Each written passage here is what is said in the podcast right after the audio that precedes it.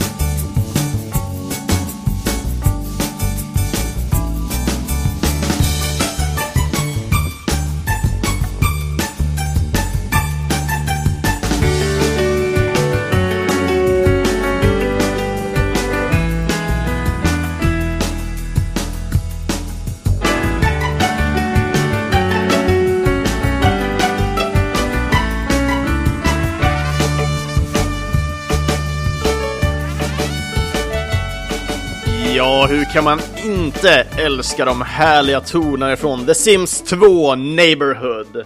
Musik komponerad av den amerikanska kompositören Mark Mother Mothersbaugh. Eh, spelet utvecklades av den amerikanska studion Maxi Software och släpptes den 14 september 2004. Spelet släpptes främst till PC och Mac, men det har även portats till Game Boy Advance, Playstation 2, GameCube, Xbox, Nintendo DS och PSP. När man väl tittar dock på de, på de olika varianterna som spelet portades till så är det ändå värt att nämna att det, alla de här ver olika versionerna har olika typer av gameplay. GBA-versionen är en litet episodbaserat spel med, relation med, relationerna i fokus och det har lite minispel med, liksom, applicerat på det. Men alltså PSP-spelet är mer ett äventyrsspel eh, där man är då en lite, med ett lite typiskt eh, The Sims 2 gameplay. Till exempel då att man kan fixa till sina karaktärer eh, precis som i PC-versionen, alltså dress them up och, och dylikt. Tittar man på eh, Nintendo DS-versionen eh, så är det mer ett realtidsbaserat spel där då eh, spelets värld påverkas när man då själv väljer att spela spelet på dagen. Eh, gäster checkar in och de checkar ut då efter några, ja, några dagar av, av realtid så att säga. Tittar man annars då på kompositören Mark då, så Mark är en väldigt känd sångare, låtskrivare, kompositör och mycket mer. Eh, detta är liksom skrivet på hans egna hemsida, jag har inte jättebra koll på exakt allting han har gjort. Men eh, Mark har hållit på med musik i över 40 år. Eh, han är sångare och keyboardist i bandet Devo. och han har skapat till exempel då temalåten till den här barnserien Rugrats, Eh, som i sig då höll igång i 16 år och har fått eh, en del filmer också. Helt freaking amazing tyckte jag. Eh, han har även gjort musik till flera spel, inte bara just The Sims-spelen, och inte alla heller för den delen, men han har gjort musik till exempel till Crash-serien, och sen några av spelen till Jack and Daxter-serien från Naughty Dog. Och sen då så gick han över till The Sims-serien, eh, och det senaste spelet som han har gjort musik till var då eh, The Lego Movie Video, eh, The Video Game, som släpptes 2014. Men då, nu räknar inte jag med då uh, Crash Bandicoot Insane Trilogy, som då är egentligen hans senaste men i och med att soundtracket är liksom taget ifrån de olika spelen och bara liksom ihopplockat till och så Men om, om, om han nu har gjort om och producerat om all musik så får någon gärna säga det, för jag själv har inte lyssnat igenom eller har jättebra koll på eh, just Insane Triology-delen.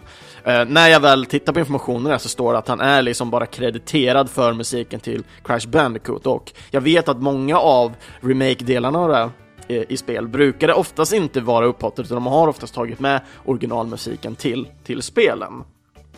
Men det The Sims då, då? The Sims 2, eller någonting som själva serien The Sims egentligen lider av i mitt tycke när det kommer till just The Sims, det är att det här spelet har så fruktansvärt mycket DLC.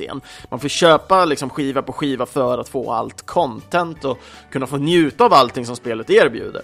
Jag förstår varför, liksom, för skulle man släppa liksom allt, allt i en så skulle det bli en fruktansvärt dyr produkt och det, och det men just att liksom såhär, oh nu vill jag spela The Sims 2, liksom, vill man spela liksom originalspelet när det finns så mycket DLC så känns det så himla brutet spelet någonstans, att, att det saknas så himla mycket.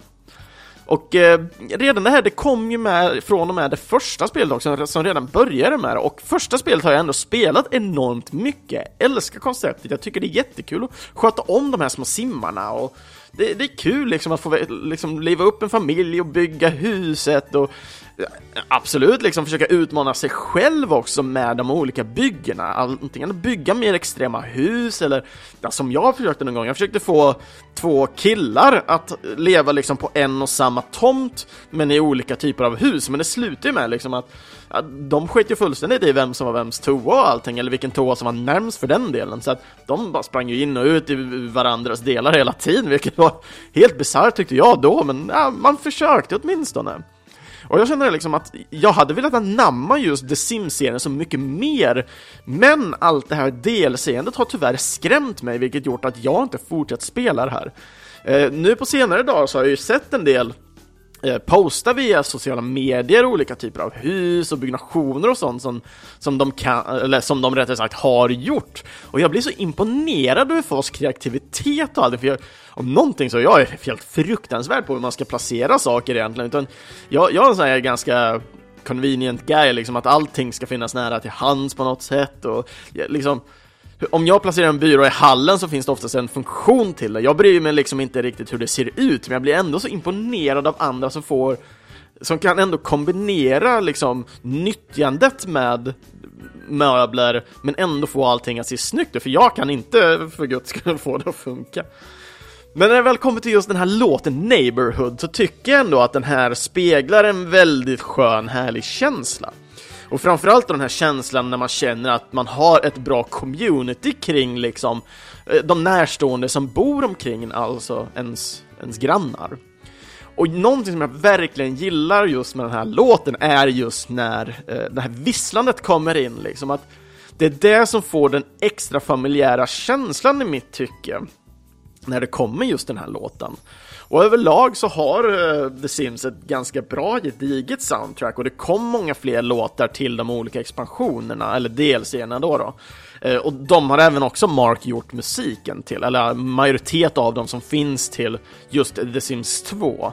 Eh, jag för man gjorde till något mer The Sims-spel, men överlag så har han valt att fortsätta vidare med andra delar i alla fall. Jätteroligt att läsa på Mark, och just framförallt då för Rugrats växte jag upp med lite. Jag tyckte det var lite grovt ritad och allting, vilket gjorde att jag var inte jättesugen på att se den. Men jag, jag har ändå sett den och jag har ändå växt upp lite med den, så jag känner ju väl till den och liksom, jag hade liksom som mycket av spelmusiken så tänker jag inte på personerna bakom musiken och vad de har för kunskap och egenskaper och, och allting. Så det var jättekul att uh, få ett namn och lite mer bild och karaktär på, på kompositören bakom. Och härnäst så har jag valt att uh, köra ett lite mer uh, sportspel och det är ju någonting som jag inte kör ofta i, i podcasten eller pratar om mycket alls. Men nästa låt som jag tänkte bjuda på kommer ifrån spelet Dead Ball Zone och, spe eh, och låten rättare sagt heter Annex.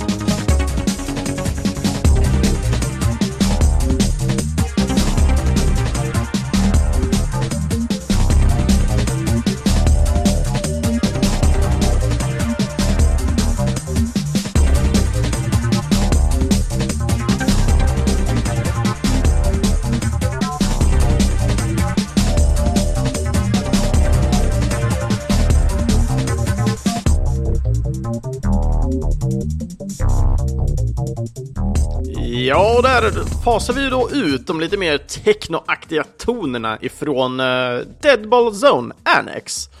Musik komponerad utav John O'Dowd, John O'Dowd och uh, Gordon Hall. Spelet utvecklades utav brittiska studion Rage Games och spelet släpptes i juni 1998 och kom endast och exklusivt då till Playstation. Rage Games, eh, de finns kvar idag Eh, då just de anställda splittrade upp företaget i olika typer av systerbolag och speciellt då eh, Swordfish Games. Swordfish Games som då sedan köpte upp Rage Games för ett pund. Bara för att behålla licenser och dylikt och sådana saker. Men sen då, vad som hände med Swordfish och allting, jag bara typ kvickt läst och ja, det har inte gått jättebra för eh, just eh, de andra systerbolagen. De blev antingen uppköpta av andra så de kan fortsätta på andra håll och dylikt. Jäda, jäda, jäda. Men annars när man då tittar på eh, de olika kompositörerna var inte så jättemycket jag kunde liksom söka upp där heller. Eh, tittar man på John och hans, eh, då jobbar han på ett par eh, andra spel då för eh, Rage Games. Men sen då verkar slutat och håller vad jag kan hitta, ej på med musik idag. Eh, Gordon, eh, han gjorde en, också en del musik till Rage Games-spel, men, men sen gick han vidare och gjorde musik till både spelet Prey och eh, Driver San Francisco. Eh, och det sist nämnda spelet där det släpptes ju eh, 2011. Men efter det, ja, ingenting dokumenterat från, från Gordon heller. Så det har varit lite svårt och när jag sökte på namnet så hittade jag mängder med olika polit politiker och gud vet allt. Så det var jättesvårt att hitta liksom specifikt de här två individerna. Men när man väl går över till musiken till det här spelet, vi kan ju börja med eh, uh, Dead Ball Zone. Det är ett uh, sportspel där, som är lite som typ handboll. Eh, man plockar upp en boll och så ska man helt enkelt bara kasta den på eh, motståndarens mål. Men det här, eh, som många känner mig, jag gillar ju inte sport vanligtvis, så att då börjar folk kanske tänka, okej okay, varför tar Chris och pratar om ett, ett sportspel? Och för det andra, varför heter det Dead Ball Zone? Jo, Därför att på, i det här spelet så kan man droppa bomber, man kan använda en såg, och allt, alltså motorsåg. Och de här använder man som vapen emot de andra spelarna eh, dödar dem allt möjligt, liksom sågar upp dem här för att få tillbaks eh, bollen och, och, på något sätt eh, få bort spelarna lite och då kan knocka in dem i väggar och sådana saker också, så det är ett ganska rått spel och det, det går att addera så att man har blod, och det ligger kvar blod allt möjligt liksom eh, efter spelarna då, när man har köttat på varandra. Så jag, jag, väljer typ lite att tänka att det här är lite av en stil med typ eh, Warhammers Blood Bowl-variant. Eh, det här spelet i alla fall, jag, jag älskade konceptet. Jag tänkte först på, oh, eh, när jag satte mig ner och tänkte på temat så bara, oh, men vad är det för spel jag har? Jag kom på Dead Ballzone rätt snabbt, för det här var ett spel som jag tyckte var svincoolt. Liksom, de står och köttar på varandra, det är ju ashäftigt ju liksom. Um, jag trodde först eh, att jag, jag minns det här från en kompis som hade Dreamcast, men så märkte jag liksom, ja ah, men det här är eh, Playstation exklusivt, vilket gjorde att jag, jaha, var hos honom och tittade på det här. Och då började jag tänka liksom, vad var det som gjorde att liksom, jag aldrig spelade det här? Jo, men det var för att då den här personen som jag var hemma hos, han hade bara en Playstation-kontroll. Vilket gjorde var att, ja men jag fick sitta och titta istället och fick aldrig spela för att, ja men det var ett fruktansvärt kul spel och eh, personen i sig ville mer spela själv än att eh, dela med sig och titta när jag spelade. Så jag fick helt enkelt bara njuta av att titta på det här spelet, men ändå hade jag så fruktansvärt kul när jag backseatade där, även om gameplayet egentligen är ganska eh, tanigt egentligen, men det här, det här gjorde ju ändå att när jag väl nu tänker efter på det, för jag har inte tänkt på det tidigare, men eh, till exempel då som Speedball eh, och eh, Mario Strikers Charge, fotbollsserien där, eh, den är ju lite liknande den, eh, det här spelet ändå på sitt sätt, även om den går från handboll till fotboll. Eh, speedball är ju fortfarande eh, handbollsaktigt också och gameplayerna jämförs med varandra väldigt lika. Förutom att i speedball så köttar man väl inte på varandra och flyger blod överallt. Men man har det just det här hand, snabba handbollsprincipen man kastar, man har fortfarande kameran liksom i en vy uppåt.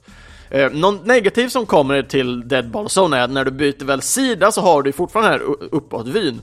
Men planen liksom vänder inte håll i spelets gång, vilket gör att när du springer ner så har du sämre sikt då för att väggarna då, då vid motståndarmålet, eller ditt egna mål, är alltid i vägen. Så att det, det är väldigt kryptiskt hur, hur, designen blev där, men spelet har ju tillgång till att spela eh, liksom person mot person också. Så att, eh, mm. Låtarna i sig dock, det var enormt svårt att hitta låtar till det här, men jag lyckades komma över Annex rätt snabbt, men jag var så här. Den är inte toppenbra den här låten. Men samtidigt när jag satt och tittade igenom mycket av då kommentatorspår och gameplays och sånt så det är inte så jättemycket, det är väldigt, eh, ska man säga, ambient ljud i det här, liksom enkla toner, inget high-tech, inget högpumpa, utan det fortsätter väldigt mycket likt den här låten Annex. Så att, eh, ja, det är inte mycket mer i musikväg att förvänta sig. Det, det enda spelet kan erbjuda är ett snabbt, härligt gameplay där man får kötta på varandra. Och det kan komma väldigt mycket blod liksom, om man då har, har satt igång det på sin, eh, i sina settings, helt enkelt. Och eh, mycket mer än så har jag inte kring det, just för att ja, jag har aldrig själv spelat det och jag har inte lyckats komma över det på senare dagar heller. Nu har jag inte tittat på Ebay och Tradera vad det ens går för eller vad det, vad det är, men jag har ändå glada minnen kvar kring det här liksom av, av det jag har sett kring det. Och eh, ja, när jag tittar nu idag så ja, men det ser, det ser fortfarande okej okay ut. Det är inte de bästa 3D-gubbarna och sådana saker heller, men ja, men det ser okej okay ut. Men från någonting som ser okej okay ut till någonting som är fantastiskt och jag tror många av er håller med mig där ute.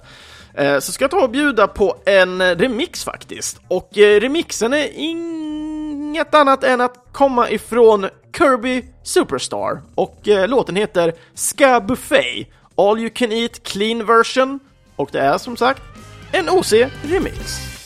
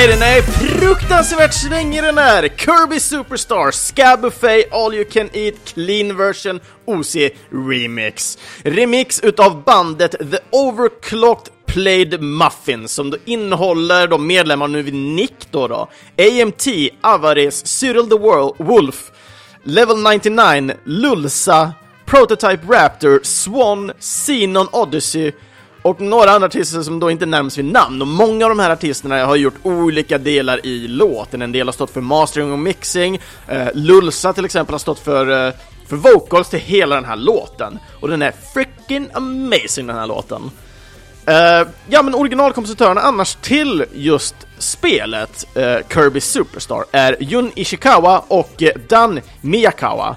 Eh, spelet utvecklades ut av HAL Laboratory och släpptes den 21 mars 1996 i Japan och senare i året till USA.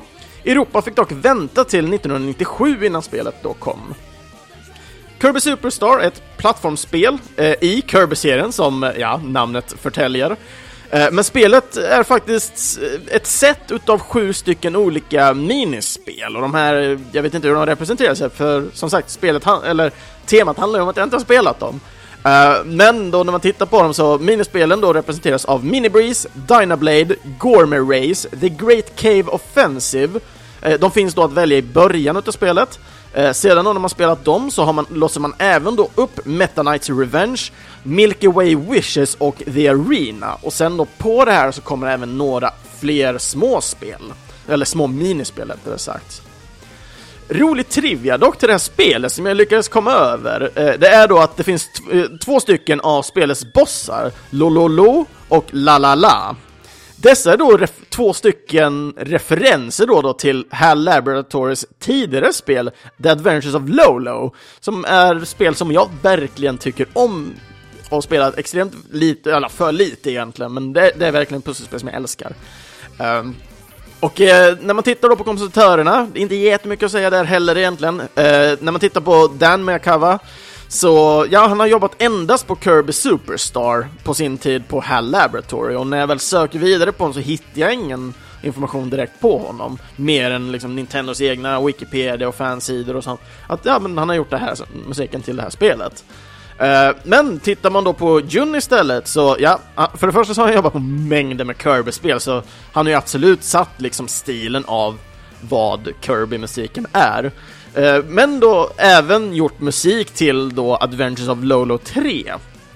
Eh, det senaste spelet som Jun har gjort musik till, det var till Bye Bye Box Boy som släpptes för inte alls så länge sedan. Eh, jag tror det är till 3DS nedladdningsbart. Jag för mig Gassi har bra koll så han kan nog säkerligen kommentera om jag har rätt eller fel här nu. Men i alla fall, eh, Kirby-spelen, jag har ju inte spelat typ något Kirby-spel whatsoever typ. Eh, de spelen jag väl har spelat utav då Kirby-serien, det är Kirby's Dream Course till Super Nintendo som är det här golfaktiga spelet där Kirbys stil sätts på att man kan bli sten och spikar och sånt och så kan man jävlas med fiender och andra spelare då som spelar. Men målet är egentligen som golf, träffa hålet. Eh, och eh, sen har jag spelat då till Wii har jag spelat Kirby's uh, Magical Adventure eller vad det heter. Det här spelet som är lite som typ New Super Mario Bros uh, till, till Wii. Uh, man kan vara upp till fyra spelare, man kan spela Meta Knight, Kirby, alla kan vara Kirby så alla blir bara för olika färger och Kirbys liksom springer runt, puttar, suger in, skjuter, skadar och förstör allting. Uh, ja, sånt som Kirby gör liksom. Fruktansvärt roliga spel liksom och alltså Kirby är en sån här jävla klämkäck-figur, liksom alltid glad, härlig, har en enorm aptit för sötsaker som jag tror de flesta egentligen har, men folk håller sig mer än vad Kirby gör. Kirby har fått en tv-serie liksom där, där han är animerad och rör sig och hip hop hop, den ska tydligen inte vara jättebra. Men eh, alltså franchisen kring Kirby, den här rosa lilla figuren och all kärlek den här figuren får. Jag förstår varför och, och det, men ja, jag förstår inte varför jag inte har tagit mig tid till att spela så mycket fler spel. Uh, för, ja men drygt en vecka, jo förra veckan, uh, från att jag spelar in då, eller ni kan börja lyssna på det här avsnittet, så var jag och köpte faktiskt uh, Kirby's Adventure Pinball, tror jag det heter, till Gameboy. Så jag ska testa lite pinballspel mer. jag har spelat Revenge of the Gator, tyckte det var skitkul, så jag tänkte, ja men Kirby-spel måste ju vara fruktansvärt kul med. Eh, jag har fortfarande kvar Kirby's Dream Course, tror jag, till Super Nintendo. Jag för mig jag har det. Eh, men sen har jag även eh, Kirby's Epic Yarn som jag ska höra varit lite och alltså det ska vara hyfsat. En del säger att det är riktigt bra, en del säger att det är inte så bra, men det är ingen som har sagt att det är riktigt skit än så länge. Så att jag har det här till Wii, ska testa någon dag snart förhoppningsvis. Men eh, annars, OCD Mix är ju något ställe som jag hänger på väldigt mycket. Men just den här Scar-remixen då, då utav Kirby-låten. För det första så är eh, Gourmet Race en av mina favoritlåtar. Eh, och så har jag inte spelat den, men jag har sett gameplay på hur, hur den är. Man, man springer då ett race och äter sötsaker emot King DDD. Och ja, man, man arbetar på liksom och springer och ska helt enkelt bara hamna för dem för att det är ett race liksom och så äter man godsaker på vägen. Uh, och uh, ja, men just den här skarrmixen den är peppande, svängig, härlig liksom och den känns ändå lite rå på något sätt med Lulsas liksom vocals påsatt av det här liksom, men den har fortfarande den här klämkäcka glädjen som jag tycker Kirby står för. Ah, jag älskar det så mycket! Och jag vet inte, alltså jag tror den här låten blev lite av uh, varför jag placerar den just här, för nästa låt som vi kommer spela nu är min favoritlåt för den här veckan, trots att Skarremixen är riktigt bra liksom, så att eh, Nej, jag tar och kör nästa låt istället. Så Super Princess Peach, Wavy Beach 1.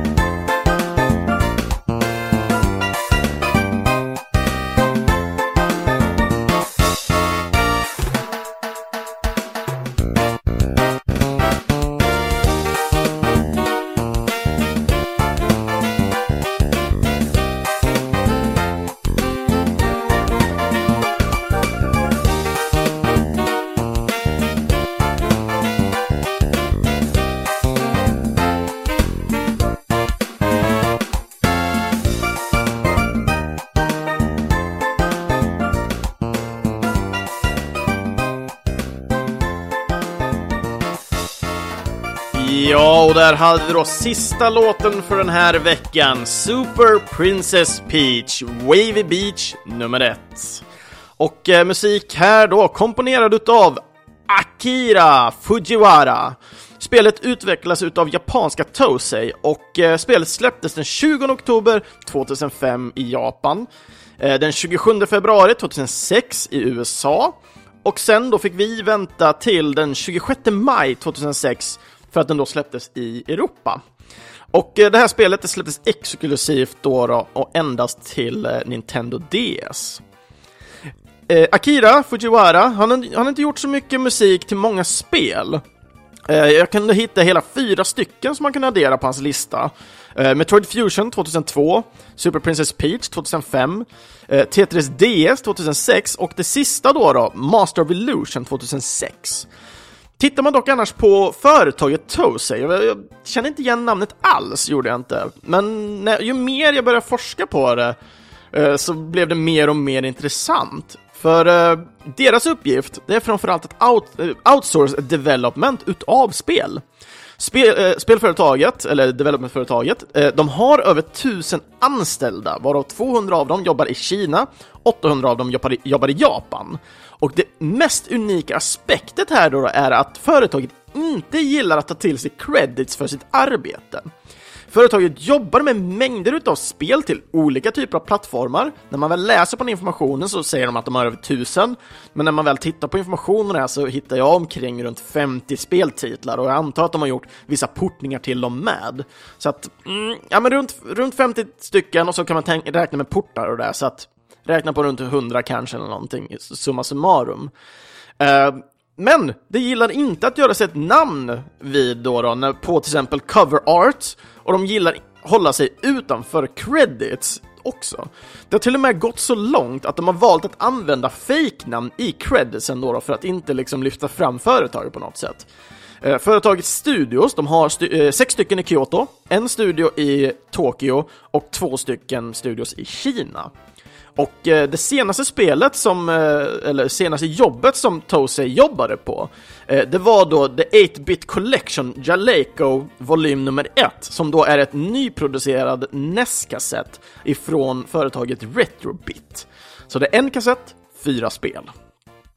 När man väl kommer då till spelet Super Princess Peach då för att greppa tillbaka, det här är ett spel som jag har inte spelat det, jag har inte sett någon vän till mig ha det här spelet. Men varje gång jag hör någon prata om det här spelet på en podcast eller på sociala medier eller någonting så blir jag så pepp. Jag tycker Princess Peach är en ascool karaktär. Eh, hon är härlig, underbar, liksom. hon har en schysst karaktärsdesign.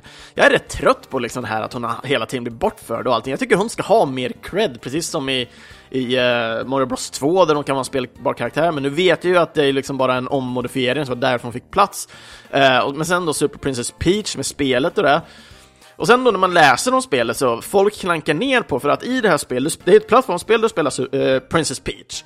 Eh, och eh, hon använder ju då sina emotionella sidor som att gråta, vara arg och, och dylikt för att liksom attackera eller hantera problem i världen. Så att många säger, åh oh, men varför ska man spela någon uh, superemotionell tjej som, åh oh, den enda gången folk lyfts fram. Men alltså jag tycker det är fruktansvärt kraftigt, jag håller med eh, Pernell ifrån Rhythm and Pixels podcasten som jag lyssnar på att alltså Princess Peach är så freaking powerful att med sin, sina tårar kunna få liksom växter att växa.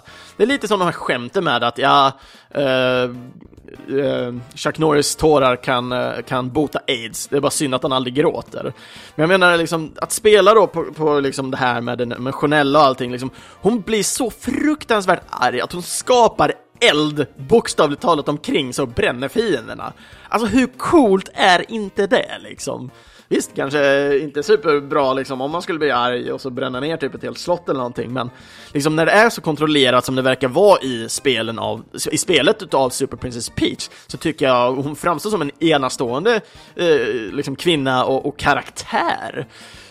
Oh, nej men jag, jag verkligen älskar konceptet. Jag kände liksom nu när jag började titta tillbaks på det och ville prata om det här spelet så kände, det var det första jag gjorde, jag gick in och googlade eller eh, tittade på Tradera och det vad det här spelet skulle kosta. Så jag har faktiskt tagit hem spelet nu så att jag ska faktiskt ta mig an och spela det också.